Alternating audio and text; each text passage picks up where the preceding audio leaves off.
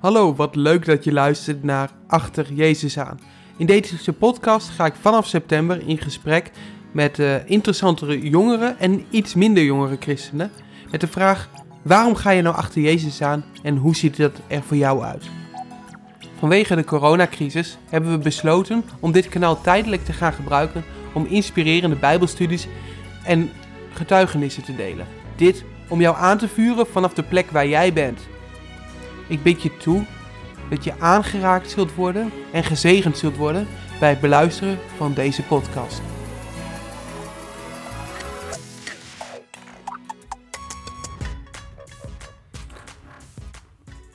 Goedemorgen, middag of avond. Mijn naam is Niels Nasselt. Ik uh, wil het vandaag graag met jullie hebben over het offer van Jezus dat de weg vrijmaakt. Uh, ja, gewoon wat betekent dat voor ons leven? Wat is de weg vrij? Waar, waarom moest de weg vrij worden gemaakt? Dus ik, uh, daar wil ik het graag met jullie over hebben. En uh, ja, duik met me mee de Bijbel in en we gaan uh, mooie dingen van God samen ontdekken. Ja, de grote vraag is natuurlijk, waarom moest de, de weg vrijgemaakt worden? Daarvoor begin ik graag even bij het begin. Dat doe ik vaker als ik iets wil ontdekken in de Bijbel, dat ik gewoon ga kijken hoe God iets heeft bedoeld. En je ziet heel duidelijk aan het begin van, van de Bijbel, als God de mens heeft geschapen, dat hij hem in het paradijs schiep, waar God zelf ook wandelde. Dus daar haal ik echt vandaan dat God eigenlijk gewoon op de. God wilde op de plek zijn waar de mens was, de mens die hij had gemaakt. Hij wilde niet ver weg zijn, maar hij wilde gewoon echt, echt dicht bij de mensen zijn. Dat was altijd al zijn plan om relatie te krijgen met mensen. We zijn gemaakt voor een relatie met God jij, jij die nu luistert, jij bent ook gewoon gemaakt voor een relatie met God. Dat is gewoon een, uh, echt een mooi uitgangspunt om mee te beginnen. Maar ja, dan op een gegeven moment uh, gaan ze fruit eten en dan gaat het fout. Ik zeg altijd maar, ik, ik eet geen fruit, want daarmee kan de zonde vallen. En ik wil niet de tweede zondeval op mijn geweten hebben. Daarnaast hou ik niet zo van fruit. Dat vinden sommige mensen erg raar, maar dan weet u dat maar even. Um, op het moment dat zij gaan zondigen, ja, dan worden ze dus uit het paradijs geschopt eigenlijk. Staat er een engel voor staan. Dus kunnen ze eigenlijk niet meer een relatie met God leven. Er is iets tussen hun en God ingekomen. Dat is de zonde.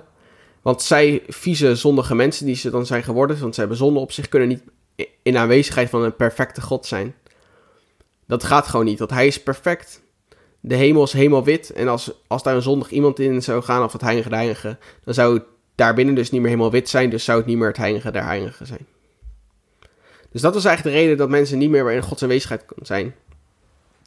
Maar toen maakte God al een soort herstelplan. Omdat God wilde gewoon in relatie met mensen leven. Dus God uh, ontwikkelde eigenlijk een soort systeem. Hij maakte een wet met allemaal geboden die mensen moesten houden. Onthoud goed dat deze wet niet Gods eerste doel was. Het was uh, een soort van herstelwerkzaamheden voor dat hij een relatie met mensen wilde hebben. Dus hij maakte allemaal wetten en dan had, koos hij één volk uit en die kon je contact met hem hebben.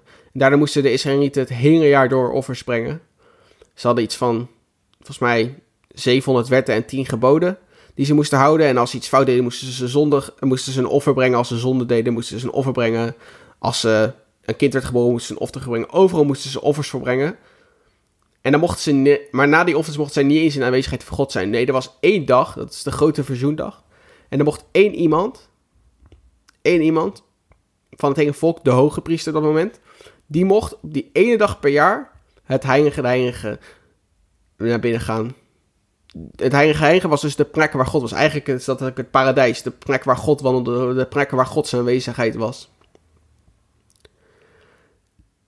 En die ene keer, zelfs die ene keer dat hij mocht, als hij dus nog zonde had, die hij niet had beleden, of, dat of hij had zijn offers niet goed gebracht, dan was, had hij dus, dus niet helemaal aan de regels dus was hij nog steeds vies. Als hij dan het heilige heilige naar binnen kon gaan, dan kon hij dus doodgaan, omdat je, je kan niet in aanwezigheid van heilige God zijn als je zelf niet heilig bent. Maar, omdat het dus wel eens gebeurde, is, gaat het verhaal dus dat die hogepriester dus bengetjes aan zijn, aan zijn jas had, aan zijn trui, aan zijn hogepriester kleren, hij zal vast geen skinny jeans aan hebben gehad. Het zou wel een mooie jurk zijn geweest. Hij had die bergje, dan konden mensen horen of hij nog beweegt, of hij nog leeft. En, als, en ze bonden ook een touw hem vast. Dus mensen wisten, als de belletjes niet meer klinken, dan heeft hij dus iets fout gedaan. is hij dood gegaan in Gods aanwezigheid. En dan konden ze hem er weer uittrekken. Eigenlijk, eigenlijk best wel erg, best wel heftig als je erover nadenkt. Maar dat geeft denk ik wel neer hoe, ja, hoe bizar het was. Dat, dat, ja, en hoe erg gewoon de hoogpriester ook gewoon hoe erg bijzonder het was om in Gods wezen te zijn. En ook hoe heilig God was. En hoe groot de, gewoon, het was zo heilig dat je er dus zelf kon doodgaan. Ja, en dus dat is dus een beetje de situatie van de Israëlieten. Dus één keer per jaar mochten mensen dus... Ja, en het is goed ook om te melden dat er dus voordat heilige heilige hing dus een voorhangsel. Er hing een gordijn en dat was de scheiding. En daar doorheen mocht op de grote, de grote verzoendag de hoge priester dus één keer gaan. Dus eigenlijk als je erover nadenkt was dat voorhangsel het centrum van de Joodse religie. Het was gewoon het midden. Het was hetgene wat hun eigenlijk, waar ze naartoe werkten met al hun offers, naar dat, uh, naar dat voorhangsel toe en dat daarna één keer iemand er doorheen mocht. Dus eigenlijk herinnerde dat voorhangsel de Israëlieten eraan dat ze niet bij God konden komen, dat er iets tussen hen en God zat. Dus heel religie was eigenlijk gebaseerd op de scheiding van God en mens. En uiteindelijk wel dat één iemand één keer per jaar kon, maar dus eigenlijk was dus de scheiding, was dus hetgene wat dus het centrum was van hun religie, hun geloof. Maar dan staat er zoiets moois als Jezus wordt gekruisigd, hij leeft op aarde en leeft perfect. En Jezus geeft zichzelf voor ons, hij, hij geeft zich als een offer. Niet zomaar een offer, maar een heel bijzonder offer. Want op het moment dat hij het offer geeft, scheurt dat voorhangsel. Dat gordijn, dat centrum van de Joodse religie scheurt van boven naar beneden door midden. Niet van beneden naar boven, want de mensen konden het niet doen door al hun offers, konden ze niet scheuren. Alleen een perfect offer kon dat doen. Staat in Hebreeën 10, vanaf vers 18 staat, als dan nu alles helemaal vergeven is, dan is er verder geen offer voor de ongehoorzaamheid meer nodig. Broeders en zusters, door het geofferde bloed van Jezus kunnen wij nu dus zonder vrees en vol geloof het hemelse heiligdom binnengaan. Jezus is de nieuwe en levende weg naar God. Over die nieuwe weg kunnen we naar God gaan, achter het gordijn, het voorhangsel, dat voor de allerheiligste kamer hangt. Jezus zelf, zijn lichaam is als het ware dat gordijn. Dus Jezus is het voorhangsel geworden. Door hem kunnen we altijd wel naar binnen gaan. Het voorhangsel is nu voor altijd open. Besef je hoe bijzonder het is dat als je gaat praten met God en, uh, en je hoort zijn stem, je verstaat de Heilige Geest, dat je dan met een heilige God spreekt. Een God waar ze met allemaal offers maar één keer per jaar mochten komen, dat jij daar nu gewoon mag zijn, door het offer van Jezus. Dat is zoiets bijzonders. En een tekst die dat echt ook goed samenvat is 2 Korinthe 5 vers 21. Daar staat, God heeft hem, dat is Jezus, die de zonde niet kende, voor ons, wij, één gemaakt met de zonde, zodat wij door hem rechtvaardig voor God konden worden.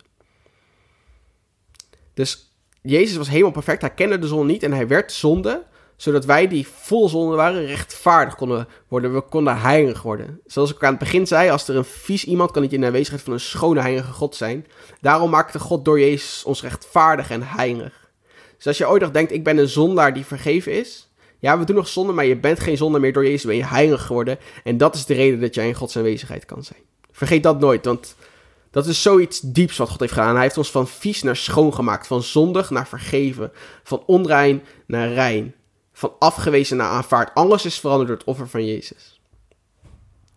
En door dit offer kunnen we eigenlijk net zoals in het paradijs, we kunnen weer in Gods aanwezigheid zijn we kunnen eigenlijk net als Adam weer gewoon in het paradijs met God wandelen. We kunnen gewoon met hem praten alsof hij onze papa is. Als hij, in de Bijbel zegt dat wij hem Abba mogen noemen, onze papa. Zo mogen wij met God gaan wandelen. Door het offer van wat Jezus heeft gebracht. Dus eigenlijk was hun de relatie met God voor de Joden was afhankelijk van de offers die zij brachten. Als alle offers goed werden gebracht, mochten ze één keer per jaar bij God naar binnen zijn. Maar nu is onze relatie met God niet meer afhankelijk van wat wij doen, maar van wat Jezus heeft gedaan aan het kruis. Dus je bent voor altijd connected met God. Ja, je kan werken aan je relatie, je kan close zijn met God, veel met hem praten, minder met hem praten. Maar als jij Jezus hebt geaccepteerd, zijn offer hebt geaccepteerd in jouw leven, dan ben je verbonden met God. Dan mag je in zijn aanwezigheid zijn. Die relatie is dus niet afhankelijk meer van wat jij doet, maar van wat Jezus voor jou heeft gedaan. Dus hecht daar geloof aan. Denk niet van, nee, ik mag niet meer bij God zijn als ik een poosje niet heb gebeden of als ik dit niet heb gedaan. Nee, je mag altijd naar God gaan, want het is afhankelijk van wat Jezus heeft gedaan voor je. Er staat nooit meer iets tussen jou en God in. Soms ben ik wel eens in uh, bijeenkomsten en uh, dan zeggen mensen: Oké, laten we even bij God brengen en vragen wat er tussen hem en ons in staat en of dat weg mag gebeden worden. En ik begrijp wat ze bedoelen hoor. We doen, maken fouten, er gebeuren dingen. Daardoor denken we soms dat er tussen ons iets en God in staat. Maar het evangelie is dat dat dus nooit meer zo is. Er zijn dingen die ons kunnen afleiden, maar er kan niks meer tussen ons en God instaan. Want dat heeft Jezus allemaal weggewassen. Dus besef je dat gewoon, dat de toegang altijd vrij is en dat er nooit meer iets tussen, tussen jou en God in staat. We kunnen vrij naar zijn troon gaan, zoals in Hebreeën staat. We kunnen door dat gordijn heen gaan en naar de troon gaan. En hij zal ons altijd hulp geven, staat ergens in de Bijbel. We kunnen vrij naar zijn troon gaan. Het is niet zomaar iets, dat is iets levensveranderends voor ons. Dat we bij de God waar liefde, waar genade, waar vrijheid vinden is, dan mogen we gewoon naar binnen wandelen, keer op keer. Dus eigenlijk gaf Jezus alles en daardoor scheurde het voorhangsel. Dat was een direct gevolg van Jezus offer, was dat het voorhangsel scheurde. Dus, dus toen besefte ik me. Laatst als ik aan het nadenken, toen dat voorhangsel scheurde, wat zouden die Joden toen hebben gedaan? Wat zouden ze hebben gedaan? Want heel hun religie ging erom dat het voorhangsel dicht was. Want dan konden ze. Ze hadden, ze al een heel systeem gemaakt, zodat één keer per jaar de hoge priester hoge priester dat heilige reinigen in mocht. Maar ja, dan, als dat voorhangs open was, dan werkte dat hele systeem niet meer. En toen had ik gedacht, misschien hebben zij, ik denk dat zij het voorhangsel weer hebben gerepareerd. Ze hebben het weer dichtgenaaid, ze hebben het weer dichtgestikt. Zodat, zodat hun systeem weer werkte. Ze hebben het weer helemaal dichtgemaakt, want anders werkte hun religie niet meer. Hun systeem werkte niet meer, dus ze moesten het weer dichtmaken, zodat ze weer die offers konden brengen. Want, want de meeste van de Joden hebben niet Jezus als Messias aangenomen, dus ze hebben gewoon een oude systeem aangehouden. En toen ik dat zelf bedacht, had ik het idee dat God tegen me zei, maar dat, dat doen jullie ook heel vaak. Jullie maken het voorhangsel wat ik heb gescheurd weer dicht. Jullie doen weer alsof er iets tussen mij en jullie in staat. Jullie doen weer alsof je naar de kerk moet gaan om mij te ontmoeten. Alsof je een paar worship moet zingen om mij te ontmoeten. Alsof je een poosje moet bidden of een paar christelijke vrienden moet hebben gesproken. Of een poos niet moet hebben gezondigd om mij te spreken. En dat zijn eigenlijk allemaal voorhangsels. Dus daarom is het zo goed om gewoon te beseffen van... hé, er is nooit meer iets. Er is niks wat jij hoeft te doen voordat je naar God mag gaan. Hij heeft de weg opengemaakt. Ook al heb je de hele dag gezondigd, je mag, hem je mag gewoon om hulp vragen. Je mag altijd vrij naar zijn troon gaan. Maak dat voorhangsel nooit meer dicht voor jezelf. Want Jezus heeft alles gegeven, zodat het voorhangsel open is. Dan denk je, ja, ik ga daar dat misschien wel weer wat meer tijd met God nemen nu ik dit hoor. Is dat, en dan lijkt soms misschien tijd met God... Stira tijd horen we het heel vaak dus misschien uh, lijkt het soms een leuke hobby of een leuk extraatje, maar ik denk dat tijd met God, dus bij God zijn, de grootste reden was. Een van de grootste redenen was dat Jezus kwam, omdat weer te herstellen, die relatie, die tijd met hem.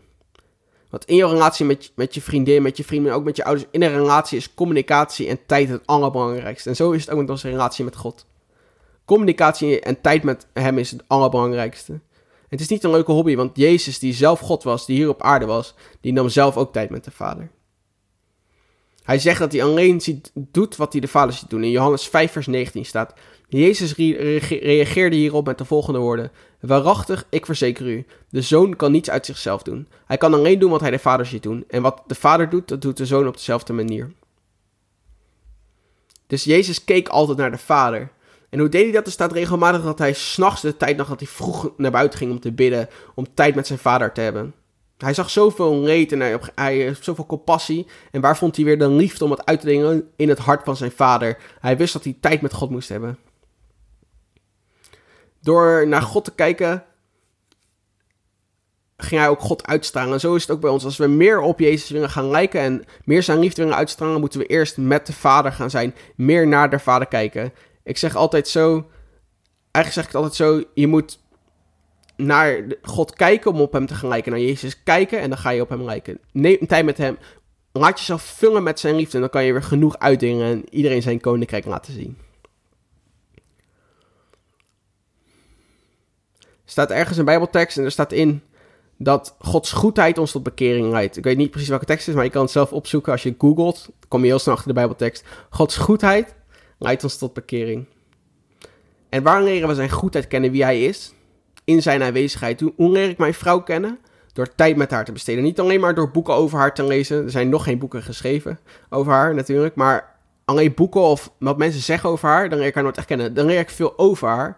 Maar ik leer Anne, mijn vrouw, alleen kennen als ik echt tijd met haar ga besteden. Dus zo is het ook met God. Je kan zijn goedheid wel overhoren, maar je leert het pas kennen, zijn goedheid. De goedheid die volgens de Bijbel jou dus laat veranderen, meer op Jezus laat lijken. Die goedheid leer je alleen kennen door tijd met God te besteden. Niet over hem, maar met hem. En ook niet door voor hem te werken, maar door met hem te zijn. Ja, die tijd met God is echt, echt zo Gods doel. die tijd, die tijd met hem is zo Gods doel van het evangelie. Jullie kennen allemaal Johannes 3 vers 16. Dat, dat we het eeuwig leven hebben, omdat we in hem geloven. Maar dus ik dacht altijd dat het eeuwige leven was, oké, we gaan dood en dan hebben we het eeuwige leven, mogen altijd in de hemel chillen. Maar toen las ik Johannes 17 vers 3 en daar staat zoiets als, het eeuwige leven is dat zij hem lief hebben en hem die u gezonden heeft, Jezus Christus. Dus het eeuwige leven is dat we hem kennen, dat we hem kennen en hij, dus eigenlijk is Johannes 17 vers 3 echt een, is, is mijn trouwtekst ook, is dat het eeuwige leven is dus het kennen van God. Dus dat betekent dus dat in Johannes 3 vers 16 staat, dat, dat ieder die in hem gelooft, niet verloren zal gaan, maar God kan kennen. Dus het eeuwige leven is niet pas als je doodgaat. Het eeuwige leven begint nu. Begint op het moment dat je Jezus leert kennen. En je bent eeuwig aan het leven op het moment dat jij God steeds beter leert kennen. Dat is toch zoiets. We hoeven niet te wachten met God te kennen tot we in de hemel zijn. We hoeven niet te wachten tot we het eeuwige leven hebben tot we in de hemel zijn. We krijgen het eeuwige leven als we Jezus leren kennen. En dat is het doel. Ik zeg altijd maar, de hemel is de hemel omdat we daar Jezus beter kunnen kennen. Omdat Jezus daar is. Als een keer uh, uh, een vrouw, een moslimvrouw, die heeft een bomaanslag op de kerk had ze meegemaakt. En die was toen dood gegaan. En toen was ze weer tot leven gekomen. En toen vroegen allemaal mensen, ja, je was in de hemel.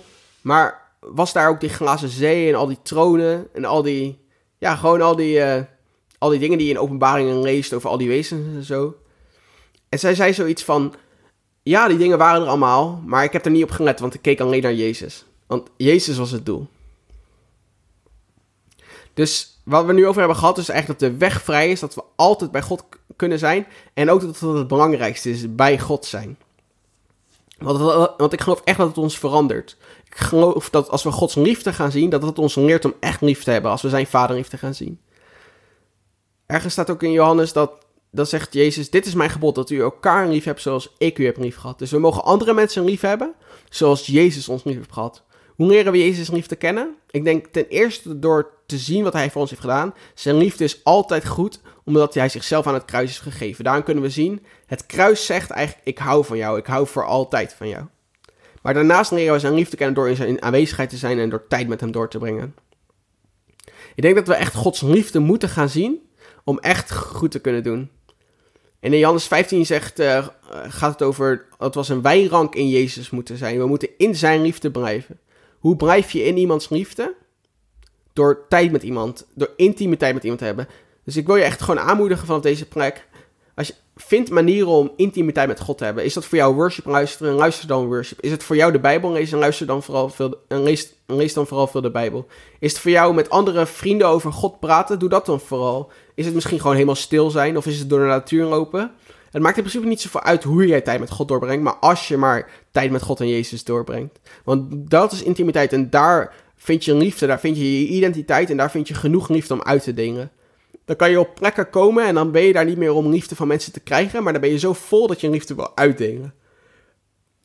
En uh, die vergelijking van die wijnrank is zo mooi dat we in hem moeten zijn, zoals ook, ja, een stok, gewoon een wijnstok in de, of een rank ook in de wijnstok is. Als, als een boom is geplant, mogen we zijn. Zoals een boom geplant is in God. En een boom doet nooit hard zijn best om vrucht te maken, want hij gaat niet zitten persen. Want het enige wat een boom doet, is water zoeken, is een leven zoeken en dan komen de vruchten vanzelf.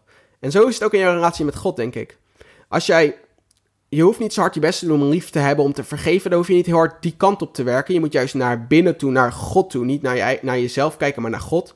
Je moet naar God toe werken en je moet in hem gaan planten. Want zijn levend water geeft leven, geeft liefde, geeft genade, geeft vrede, geeft vrijheid. En dat gaat dan stromen en dan zullen er ook vruchten van genade, vrede, vrijheid en liefde vriendelijkheid gaan komen aan je boom. Dus ga niet focussen op goed doen. Het is goed om goed te doen en je mag er zeker voor kiezen, maar focus vooral op die intimiteit met God en die tijd met God. En dan geloof ik dat die wortels steeds meer gaan stromen. Het gaat dus allemaal om dat Jezus de weg heeft opengemaakt, dat we daardoor God beter leren kennen en daardoor meer op God kan gaan lijken. En het gevolg daarvan, dus ons doel is God beter leren kennen, maar het automatische gevolg zal zijn dat we meer op God gaan lijken. En daardoor deze wereld zullen veranderen. Zijn koninkrijk zullen brengen. Zijn vergeving waar zonde is. Zijn genezing waar ziekte is. Dat zullen we brengen omdat we in Gods hart zijn. Ik hoop dat jullie hiervan hebben geleerd. En ik wil nog kort voor jullie bidden. Ja, lieve Jezus, lieve Heilige Geest. Dank u wel voor wie u bent, Heer. Heer Jezus, dank u wel dat u de weg voor ons vrij heeft gemaakt voor altijd. Dat de, dat de weg gewoon vrij is. En ik bid gewoon voor iedereen die op dit moment luistert, dat hij manieren zal vinden om tijd met u door te brengen. Heer, Heer, nodig ons uit. Heer, nodig ons allemaal persoonlijk uit om tijd met u door te brengen, Heer. Ik bid dat uw aanwezigheid sterk zal zijn bij mensen. Dat mensen u echt zullen merken dat u er bent, Heer. Heer dank u wel gewoon dat ze steeds, dat mensen die dit luisteren steeds meer gewoon, ja, dat ik zelf ook gewoon steeds meer naar u gaan leren kijken en daardoor steeds meer op u gaan lijken en steeds meer rekening houden met anderen, steeds nederiger wordt. Jezus, u bent ons voorbeeld, Heer. Leer ons om tijd met u te hebben. Leer ons om tijd met u te hebben, zodat we op u gaan lijken. In de naam van Jezus, amen. Hey, was, uh, ik vond het mooi dat ik zo altijd met jullie mocht delen en ik hoop dat jullie dat van hebben geleerd. En uh, als je vragen hebt, je kan ons altijd bereiken op info.streef.nl of op onze Instagram. En daar wil ik graag met je over doorpraten. En uh, ja, gewoon wees bij God, zodat je op God gaat lijken. Dat wil ik gewoon echt met aan je meegeven. Hier volgt nog een teaser voor de nieuwe serie van Achter Jezus aan, die vanaf september gaat beginnen.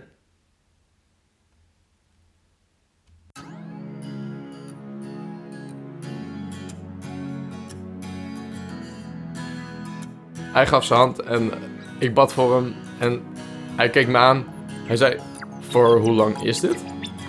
Ik zei, uh, hoe bedoel je? Weet je wel, een beetje vragen van, nou, wat, wat bedoel je precies? Hij zei, nou, uh, de pijn, weet je wel, uh, hoe lang blijft dat? Ik zei, voel je geen pijn dan?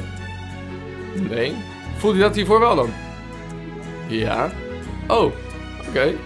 Dus dat was eigenlijk heel grappig. Was een, heel erg. Um, hij, was zo, hij zei altijd: Ja, maar ik zeg altijd van: Er is niks. Ik zei: Oké, okay, uh, maar je been dan? Het is gewoon zo mooi aan Jezus. Gewoon, hij is zo vol genade. En die genade zorgt niet voor dat je denkt van, oh, dan ga ik maar hem niet meer volgen. Maar dan denk je, door die genade, denk je juist, daar wil ik achter hem aan. Zo iemand wil ik volgen met zo'n voorbeeld. En dat is achter Jezus aan, denk ik ook echt. Gewoon hem als voorbeeld nemen. En dat je je bezwaard voelt om het te zeggen, ik wil niet tot last zijn, maar echt hen liefhebben, ja. is vertellen wie Jezus is. Als ik hen echt wil liefhebben. En dit is echt die tekst van Romeinen 8, vers 19. Daar staat, uh, heel de schepping verlangt rijkhalsend naar de openbaarwording van de zonen en dochters van God. Oftewel, de wereld wacht gewoon tot de gelovigen, tot de kinderen van God, in actie komen. Ja. En dit heeft met allemaal dingen te maken. Deze tekst is veel breder dan wat ik nu zeg, maar onder andere hiermee. Ze wachten tot wij iets vertellen. En ze weten het zelf nog niet. Mijn buurman weet nog niet dat hij wacht. Maar hij wacht erop dat ik vertel wie Jezus is en dat ik hem presenteer en zeg hij wil ook in jouw leven komen. Dit is Achter Jezus aan, de podcast van de Stichting Streef. Ik ben Luc Zalemons en in deze podcast ga ik in gesprek met jongere en iets minder jongere christenen met de vraag: waarom ga jij achter Jezus aan en hoe ziet dit er voor jou uit? In deze podcast kom ik veel inspirerende mensen tegen en hoor ik ontzettend mooie verhalen. Zorg dat je jezelf aanmeldt via jouw favoriete podcast-app, zodat je niks hoeft te missen. En toen uiteindelijk toen um, um, dacht ik, oké, wie maakt mij blij? Uh, ik zie niemand. Oh, Jezus. Dus ik had zoiets van, in mijn tranen zei ik, Jezus! En toen opeens waren mijn tranen weg en toen opeens voelde ik me heel blij, want ik dacht, dit is raar. En toen dacht ik, wow, hij is gewoon echt, hij is er als ik me verdrietig voel, als ik me alleen voel. Hij is er gewoon. Uiteindelijk, als ik hem maar zoek en roep.